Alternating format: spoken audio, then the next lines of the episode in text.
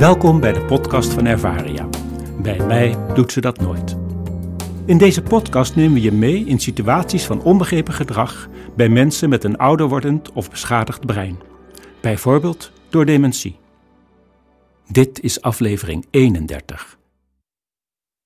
Als haar dochter Wies de huiskamer van de waterlelie binnenkomt, begint mevrouw Miedema meteen te mopperen. Jou zie ik ook nooit.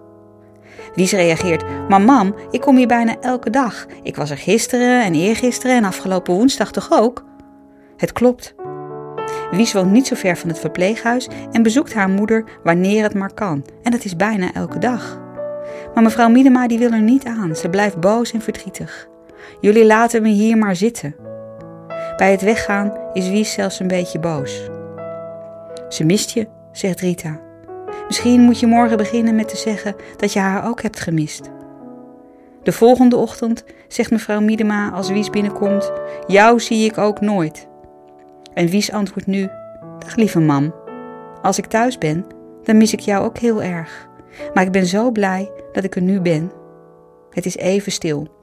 En dan pakt mevrouw Miedema de hand van haar dochter en ze zegt: Gelukkig zijn we nu samen.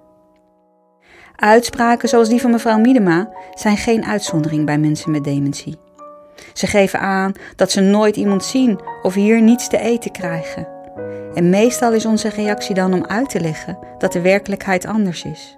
Ik ben er toch elke dag? Of u heeft net een boterham gehad? Begrijpelijke reacties, want door uit te leggen hoe het werkelijk zit, proberen we te bereiken dat mensen met dementie zich realiseren dat de situatie anders is dan dat zij denken. Maar voor veel mensen met dementie kan het uitleggen van die werkelijkheid, hoe God bedoelt dan ook, voelen als een correctie. En dit kan zorgen voor extra stress, met alle gevolgen van dien. Bij mevrouw Miedema leverde dit een boze en een verdrietige reactie op. Mensen met dementie verwoorden niet precies meer wat zij bedoelen.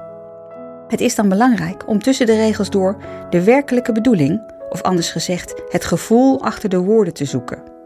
Als het je lukt om het gevoel te herkennen, dan kan dat veel opleveren. Meer informatie is te vinden in ons boek Bij mij doet ze dat nooit. Je kunt ook de website www.ervaria.nl bezoeken of mailen naar info.ervaria.nl.